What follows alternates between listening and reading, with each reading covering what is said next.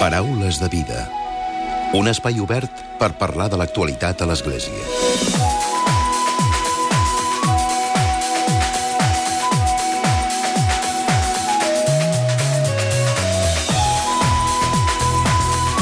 Tal? Salutacions i molt bon dia, molt bon diumenge. El Centre d'Estudis Cristianisme i Justícia ha posat en marxa fa poques setmanes un nou curs acadèmic amb diverses i interessants propostes de seminaris i cursos.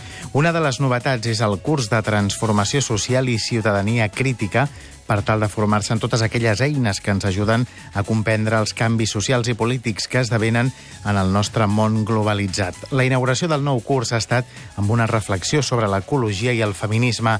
Com sempre, Cristianisme i Justícia ens proposa cursos, seminaris i xerrades que tenen com a eix transversal el debat Fer Justícia. De seguida en parlem, ho farem a la segona part del programa amb el director del Centre d'Estudis Cristianisme i Justícia, amb Xavier Casanovas.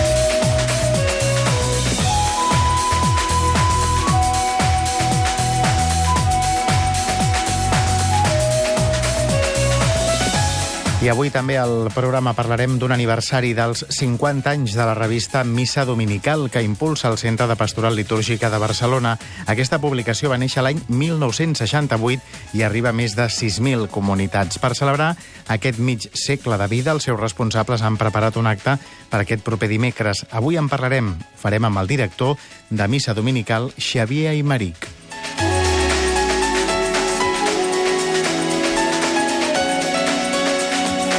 I com sempre, al final del programa arribarà un nou comentari de l'actualitat de Francesc Romeu. Comencem.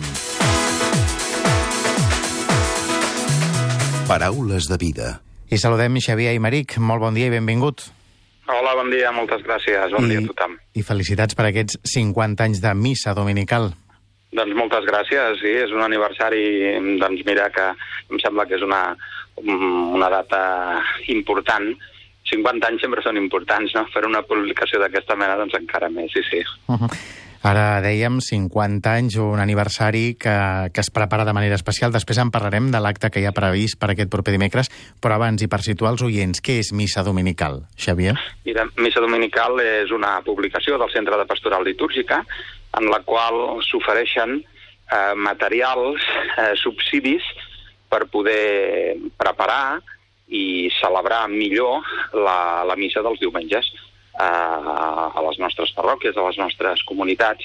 És una publicació que surt 16 vegades l'any perquè cada, cada número inclou eh, material per quatre diumenges o algunes festes més que també són dies de precepte, solemnitats de, que se celebra la missa igual com el diumenge, i doncs és aquesta una ajuda no? que, que es pretén donar doncs, a les comunitats perquè puguin celebrar millor la, la, la, missa, de, la missa del diumenge. Uh -huh. De fet, eh, 50 anys ens porta l'any 1968, que era tot just encetada la, la reforma litúrgica, i aquell era un moment important no?, per ajudar els capellans i a les parròquies doncs, a celebrar segons els nous ritus.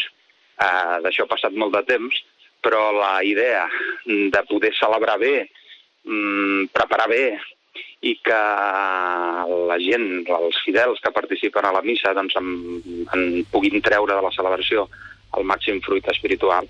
Això és un objectiu que, que es manté i que té tota la seva vigència. No? Està impulsada, ho hem dit, pel Centre de Pastoral Litúrgica de Barcelona. Com us organitzeu internament? Com és la feina, Xavier? Bueno, el Centre de Pastoral Litúrgica és, eh, té una assemblea de tots els seus membres, no? Mm, I després hi ha uns treballadors que, que, que són els que porten el dia a dia del funcionament i aleshores doncs, hi ha diferents seccions, vull dir, el Centre Pastoral Litúrgica té sobretot publicacions, té col·leccions de, de llibres de diferents tipus, litúrgiques i de vida cristiana, però també té doncs, activitats formatives, eh, sessions de reflexió i de, de formació del, dels agents de la pastoral litúrgica, etc. No? En el cas de missa dominical, doncs som un equip de redacció que ens reunim periòdicament per anar programant els números i després hi ha un dia a dia doncs, que és el que ens toca fer més a, a, la, a la direcció, amb l'ajuda, evidentment, del, de l'equip de redacció de, del Centre de Pastoral Litúrgica. Mm -hmm. Doncs parlem també de una mica de quines són o quin és el públic. Ara parlaves, no? una mica que el que voleu Sí. és ser una mica ajuda per les comunitats, no? Però suposo que també hi ha un públic ampli, no?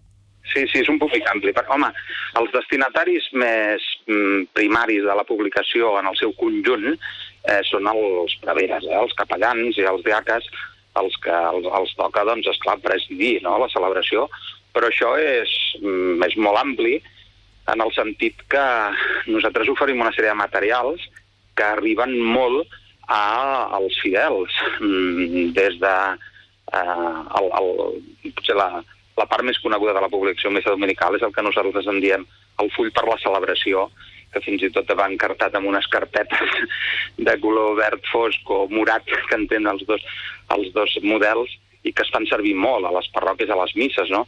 on hi ha les pregàries dels fidels, les comissions a la missa, i el mateix capellà també té els elements més pràctics per proclamar des de la seu, per no haver d'anar amb els llibres amunt i avall. No? Això té molta repercussió.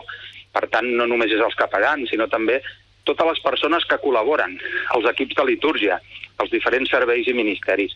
I més enllà, doncs al final, tothom que, que participa de la celebració, tant perquè són els destinataris del, del, del que es diu, del que es fa, del que es llegeix, com perquè també moltes vegades hi ha doncs, els fulls verds, que són per fotocopiar per repartir, les estampes, els cartells, uh. -huh. els fulls de Nadal, és a dir, hi ha tot una, els mateixos cantorals de missa dominical, no? que també són un, un fruit de, de, la, de la nostra publicació, el servei aquest del cant a la litúrgia, doncs que al final arriba a tothom, no? tot i Mm. que la revista pròpiament sencera la sol rebre el capellà o la CEP o la rep la parròquia, el despatx parroquial, després els fruits en beneficia molta gent relacionada amb la celebració litúrgica. Mhm.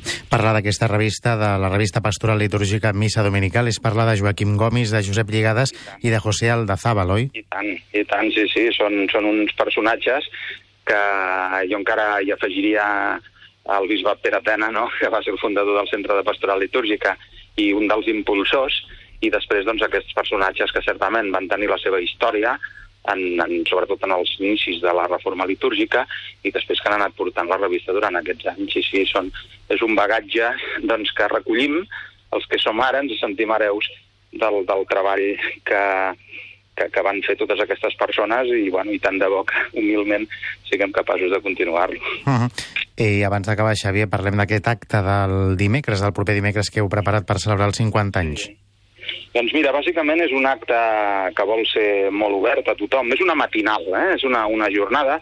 Se celebrarà al, al Seminari de Barcelona, a l'aula magna, i començarà a dos quarts de deu i durarà fins al migdia, perquè té diverses parts. Al principi de tot hi ha una introducció, que tenim resarem doncs, la pregària de- d'hora menor, la sexta, la, la tèrcia, eh, tindrem la presència del cardenal arcabisbe de Barcelona, que farà la introducció a l'acte, i després hi ha dues ponències i una taula rodona. Una de les ponències la farà precisament un dels que ha estat director de Missa Dominical i que encara continua col·laborant, el Josep Lligades, explicarà una mica, farà una mica l'itinerari d'aquests 50 anys de servei a l'Església de Missa Dominical. Després el bisbe Joan Enric Vives, que a més a més és el president de la Comissió Interdiocesana de Litúrgia de Catalunya, de la Tarraconense, ell presentarà doncs, més aviat l'Eucaristia Dominical com a aliment eh, de la vida cristiana. I després d'una petita pausa farem una taula rodona, Eucaristia, diumenge i vida cristiana, en la qual hi participarà el Joan Torra, que és un altre dels membres del Centre de Pastoral Litúrgica, patròleg, professor de la facultat, una laica, Anabel Carbonell, i un servidor. Intentarem doncs, parlar d'això, del present, l'actualitat i el futur de la missa dels diumenges en les nostres comunitats. És un acte obert a tothom, repeteixo, des de dos quarts de deu fins, fins a la una. Eh, tothom que vulgui pot venir a participar-hi i a, bueno, i a, per una banda participar d'aquest acte doncs, que vol ser festiu i de retrobada de tanta gent, i per altra banda també els continguts em sembla que poden ser interessants, ens poden aportar molt. Uh -huh. Doncs, Xavier, gràcies avui per haver-nos acompanyat al Paraules de Vida i per fer-te ressò també d'aquests 50 anys de missa dominical. Moltes gràcies a vosaltres. Bon dia a tothom. Bon diumenge. Paraules de vida. Directe als valors. Directe a tu. Us ho dèiem a la portada del programa, avui ens acompanya en Xavier Casanovas, ell és el director del Centre d'Estudis Cristianisme i Justícia. Xavier, bon dia i benvingut al Paraules de Vida. Hola, molt bon dia. Ja ho teniu tot a punt. De fet, ja en marxa un nou curs, oi? Doncs sí, de fet va començar tot just fa un mes, eh, amb la nostra inauguració de curs. El curs que representa ja és el curs 37, jo crec, del nostre centre d'estudis de cristianisme i justícia, i per tant molts anys ja treballant en aquest àmbit del diàleg entre la fe i la lluita per un món just. A grans trets, quines són les, les novetats o quin és l'eix vertebrador d'aquest nou curs? Jo diria que hi ha dues qüestions no, que probablement articulin amb força doncs, tot el treball que, que farem aquest any, tant pel que fa a publicacions com al conjunt de xerrades i de, i de seminaris que farem. No? I aquestes dues qüestions són les que han emmarcat justament la nostra inauguració de curs, no? que són l'ecologia i el feminisme. Nosaltres hem inaugurat aquest curs amb una xerrada que en dèiem d'ecologia i feminisme, finestres per una nova utopia, és a dir, la pregunta o d'alguna manera la qüestió de quina manera totes dues coses, tant l'ecologia com el feminisme, ens van donant, diguéssim, o ens van obrint portes a una nova manera d'entendre la justícia social, que és el que a nosaltres ens preocupa. De fet, va ser una lliçó inaugural eh, amb molt d'èxit i molt... se n'ha parlat molt i se n'ha debatut molt a posteriori a les xarxes socials, també. Així és, va ser una lliçó inaugural que s'in- s'in- s'incloïa d'alguna manera o estava incardinada també en aquesta setmana de pensament que va haver-hi a Barcelona, la, la ciutat oberta, no? amb aquesta idea justament de pensar quins eren els límits de les nostres propostes com a, com a ciutat. I nosaltres volíem emmarcar-ho en aquests dos àmbits. No? Diguéssim, d'alguna manera l'ecologia ens recorda quins són els límits del nostre model de civilització, eh? un model de civilització que està construït sota el paradigma del consum i que és completament depredador, i per l'altra banda el feminisme, no? i el feminisme ens fa present doncs, la igualtat, que encara és una, una quimera a la nostra societat, però sobretot l'aportació que, han fet, que han fet les dones i que s'ha fet de manera silent i menys tinguda des de l'àmbit de la cura. No? I aquest va ser el marc de la, de la xerrada inaugural, ho va proposar Yayo Herrero. Yayo Herrero és una antropòloga eh, i activista social de Madrid, molt potent, val la pena aquells que puguin recuperar la xerrada perquè està penjada a internet i podran escoltar no, tota la lliçó inaugural que, que realment va donar molt. Uh -huh. Són temes capdals i temes que preocupen, com deies, i com es diu, l'ecologia, el feminisme, i que el Centre de cristianisme d'Estudis de, Cristianisme i Justícia, per tant, està a la guai de tot allò que passa, oi? Així és, no? De fet, d'alguna manera, aquestes dues qüestions ens preocupen perquè ens dona alguna, la sensació d'alguna manera que la, que la nostra societat va abocada una miqueta, o el nostre sistema va abocat a un cert col·lapse, no? o a una certa sensació de que està arribant a uns límits claríssims, no? i cal buscar quines són les palanques, tot allò que, que pot activar, diguéssim, una resposta per part de la nostra societat de cara a fer front, diguéssim, no? a, una, a una proposta de civilització, la nostra, la de la vida occidental, que no és universalitzable, no? que no pot ser per tothom. No? Uh -huh. I Herrero ens recordava en aquesta xerrada inaugural de quina manera doncs, la palanca que pot activar aquest fre d'emergència és l'amor, no? és dir, un amor definit eh, com la capacitat de fer-se càrrec de, dels altres, no? la de la capacitat de l'empatia, de la solidaritat. No? I, I això és el que ella ens proposava com una sortida, no? I una sortida d'amor que no tingui en compte només la persona, sinó que també tingui en compte l'entorn, la casa comuna. Ella va fer molta referència a l'encíclica Laudato Si, del papa Francesc, no? on, on fa present aquesta idea de que, de que no vivim només una crisi social, sinó que la crisi social i la crisi ambiental van de la mà. Cursos, seminaris, xerrades i es posen en marxa, s'han posat ja fa un mes en marxa des del Centre d'Estudis Cristianisme i Justícia. A grans trets, eh, o què és el que podríem destacar, Xavier, d'aquests cursos, seminaris, xerrades? I, a més a més, també hem, no hem d'oblidar els dilluns dels drets humans, que crec que esteu d'aniversari, també, no? Uh, així és, així és. De fet, mira, començo per aquest últim, els dilluns dels drets humans, que és una proposta d'un cicle de xerrades el, uh, un dilluns al mes, entorn a l'actualitat i, i, a la, i a la qüestió dels drets humans avui. És un cicle que va començar just ara fa 20 anys. No? L'any 98 celebrava els 50 anys de la Declaració Universal dels Drets Humans i en aquell moment Justícia i Pau i Cristianisme i Justícia van decidir d'obrir un cicle de debat i de xerrada entorn a l'actualitat dels drets humans i des de llavors que funciona. Ara ja no només som aquestes dues entitats, sinó que s'hi ha sumat també els darrers anys Mans Unides, eh, Càritas Barcelona i el grup de juristes Redaventura, i tots cinc, doncs totes aquestes entitats, impulsem aquest espai dels dins dels drets humans que continua, continua aquest any amb, una, amb un nou cicle de xerrades que ens ha portat d'alguna manera l'actualitat eh, a l'ordre del dia. No? Però no, no només aquest cicle dels dins dels drets humans, hi ha altres propostes per part de Cristianisme i Justícia també. Per una banda, continuem amb propostes que ja fa anys que funcionen i que funcionen molt bé. Tenim un curs d'introducció a la teologia que, que atrau a molta gent que cada cop més jo crec que es pregunta per preguntes de sentit, per l'actualitat avui, diguéssim, del fet de, de tenir la nostra fe aquí aquest curs d'introducció a la teologia dona algunes pistes per això, no? Però com que la nostra vessant, diguéssim, no és només la teològica, sinó que sempre va de la mà amb la lluita i amb la transformació, doncs aquest any hem engegat un nou curs molt interessant, els dissabtes al matí, que n'hem dit curs de transformació social i ciutadania crítica, i que el fem en col·laboració amb Oxfam Interamont i Volpa Catalunya, amb la idea de donar claus de lectura de la nostra realitat, també eines de transformació, i que a més a més proposa un itinerari per a aquelles persones que volen fer voluntariats de llarga durada a països del sud. Eh? Uh -huh. Per tant, aquesta és una altra de les moltes propostes que, que nosaltres estem oferint. Potser la més important, no? si podem dir alguna no? rellevant realment aquest curs, és el que el nostre curs anual, el curs que oferim els dijous al vespre, que ja ha començat amb gran èxit perquè tenim més de 120 persones apuntades, un curs que hem titulat Atrapats pel temps. Uh -huh. El que volíem aquest any era reflexionar una mica entorn al temps i com el vivim avui, no? Tots sabem no? que vivim la vida amb moltes presses i amb la sensació de que no tenim temps per res, doncs això és simptomàtic del nostre món i de moltes, bueno, d'una manera d'estructurar la nostra vida que moltes vegades no ens porta, evidentment, a una situació ni de felicitat ni moltes vegades de llibertat personal. No?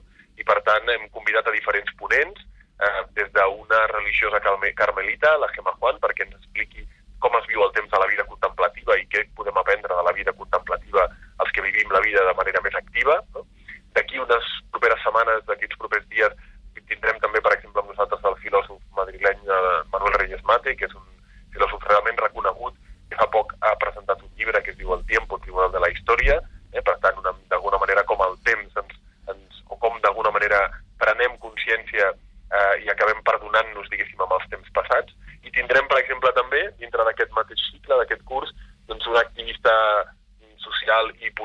clarament reconegut, com és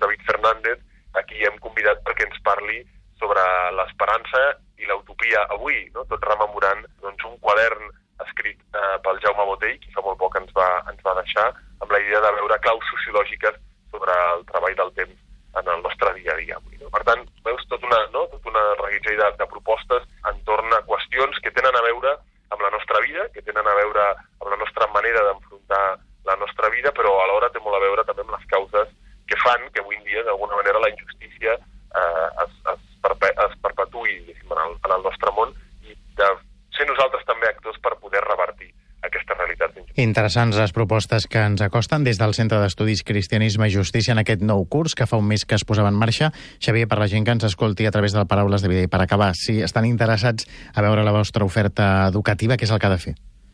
Doncs mireu, totes aquelles persones que vulguin, des de rebre els quaderns que publiquem fins a rebre la informació de totes les propostes que anem fent, tant a Barcelona com arreu, perquè tenim una proposta de, de xerrades i cursos itinerants, doncs tan fàcil com entrar a la nostra web, a cristianismejustícia.net, i allí trobaran la informació i es poden donar d'alta per rebre tota la nostra informació.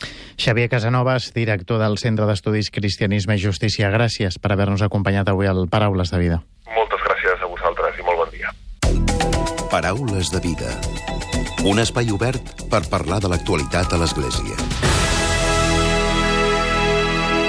I tot seguit arriba el comentari de l'actualitat de Francesc Romeu. Francesc, molt bon dia. Molt bon dia a tothom. Tal i com ha anunciat aquesta setmana el govern de la Generalitat de Catalunya a través del Departament de Cultura, es van aprovar aquest any 2018 tres commemoracions oficials d'efemèrides relacionades amb personalitats amb gran incidència en l'àmbit religiós. Es tracta dels 50 anys de la mort de Dom Aureli Maria Escarrer, el 1968, i que va ser abat de Montserrat durant 20 anys, del 1946 al 1966, i també dels 100 anys del naixement de Raymond Paniker i 150 anys del naixement de Francesc Vidal i Barraquer, que coincideixen amb el 40è aniversari del retorn de les seves restes mortuòries i posterior enterrament a la Catedral de Tarragona.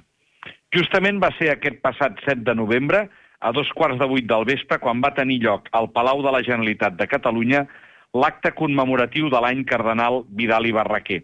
Aquest acte va ser presidit pel president de la Generalitat de Catalunya, Quim Torra, i va comptar també amb la ponència del director de l'Arxiu Històric Arxidiocesà de Tarragona, Manuel Maria Fuentes. També van prendre la paraula la consellera de Justícia, Esther Capella, i l'alcaldessa de Cambrils, Camí Mendoza. A més dels parlaments, es va comptar amb la participació de la Coral Verge del Camí de Cambrils, coincidint amb la celebració del seu 50è aniversari. En el nostre programa religiós hem de recordar que Francesc d'Assís Vidal i Barraquer va néixer el 3 d'octubre del 1868 a Cambrils, al Baix Camp. Va estudiar dret a la Universitat de Barcelona. Poc després va ingressar al Seminari de Barcelona i continuar els seus estudis al Seminari de Tarragona. S'ordenà sacerdot l'any 1899 i ocupà diferents responsabilitats fins a ser nomenat arcabisbe de Tarragona l'any 1919 i cardenal el 1921. Al llarg de la seva trajectòria va defensar la independència de l'Església dels poders polítics i estatals. Durant la dictadura de Primo de Rivera va defensar la separació de l'Església i l'Estat i va mantenir el català com a llengua de predicació i de catequesi. Amb l'esclat de la Guerra Civil fou perseguit i es refugià al monestir de Poblet, on fou detingut i empresonat. Gràcies a la intervenció de la Generalitat i més concretament de Ventura Gasol, va poder marxar a l'exili. Tot i això, d'acord amb les seves conviccions, el juliol del 1937 es negà a signar la carta de l'episcopat espanyol que donava suport al general Franco, fet que el convertí en l'enemic del règim i li impedí retornar a Espanya. Va ser aleshores quan es va instal·lar a la cartoixa de Farneta, a Luca, Itàlia, i més tard a Friburg, a Suïssa. Va continuar exercint com a arcabisbe de Tarragona en l'exili, atès que, tot i les seves pressions del règim franquista, el Vaticà es va negar a rellevar-lo. Va morir l'any 1943 a Suïssa. Fou la seva voluntat ser enterrat a la catedral de Tarragona, però no va poder fer-se realitat fins al 1978. Així doncs, de fet, el que aquest any celebrem són tres fites importants en la vida del cardenal Vidal i Barraquer. El 3 d'octubre va fer 150 anys del naixement del cardenal a Cambrils i el 13 de setembre va fer 75 anys de la seva mort a Friburg, a Suïssa, i també els 40 anys del retorn de les seves despulles des de Suïssa fins a la catedral de Tarragona. L'Ajuntament de Cambrils, que ha constituït la comissió de l'any Cardenal Vidal i Barraquer i que és la qui ha treballat de manera coordinada amb la Generalitat, creu que aquest doble aniversari, o triple, és el moment oportú per fer un nou reconeixement a la persona i a la figura de Francesc d'Assís Vidal i Barraquer i posar en valor la tasca que va desenvolupar en vida, així com el seu pensament i llegat, que va més enllà de la funció pastoral dut a terme com a home d'església. Per aquest motiu, Cambrils s'ha vestit de festa. Ja el passat dijous 13 de setembre, l'arcabisbe de Tarragona, Jaume Pujol, va oficiar una missa al Santuari de la Mare de Déu del Camí per recordar el 75è aniversari de la mort del cardenal. I el passat divendres 5 d'octubre també va celebrar una altra missa commemorativa a la parròquia de Santa Maria, coincidint amb el 150 aniversari del seu bateig. Us recordo que fins al divendres 16 de novembre encara podeu visitar a la sala Àgora de l'Ajuntament de Cambrils l'exposició Vidal i Barraquer, Diàleg i Coherència. Allà hi podreu veure encara una mostra d'imatges inèdites de l'anomenat Cardenal de la Pau. Molt bon diumenge a tothom.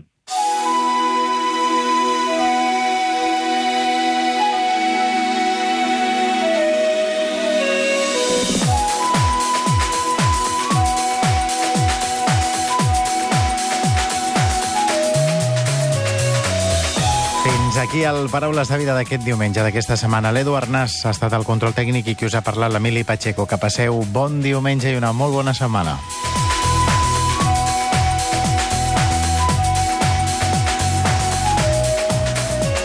Paraules de vida. Us oferim la carta dominical de l'arcabisbe de Barcelona, Joan Josep Omella.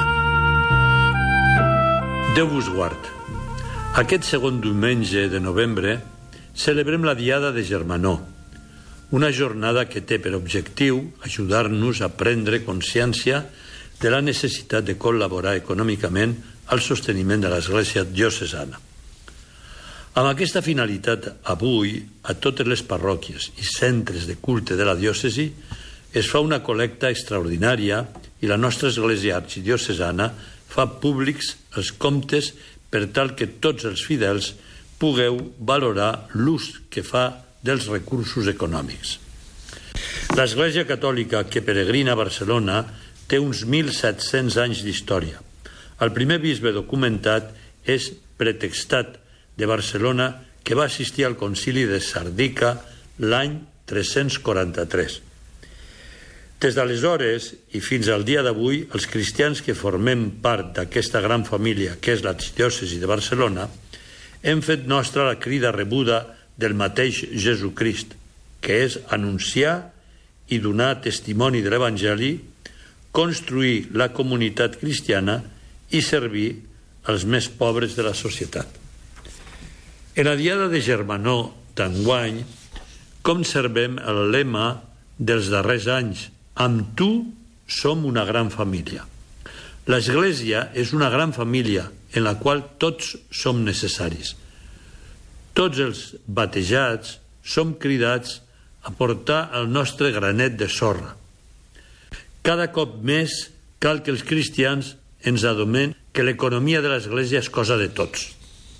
D'on venen els recursos econòmics de la nostra arxidiòcesi?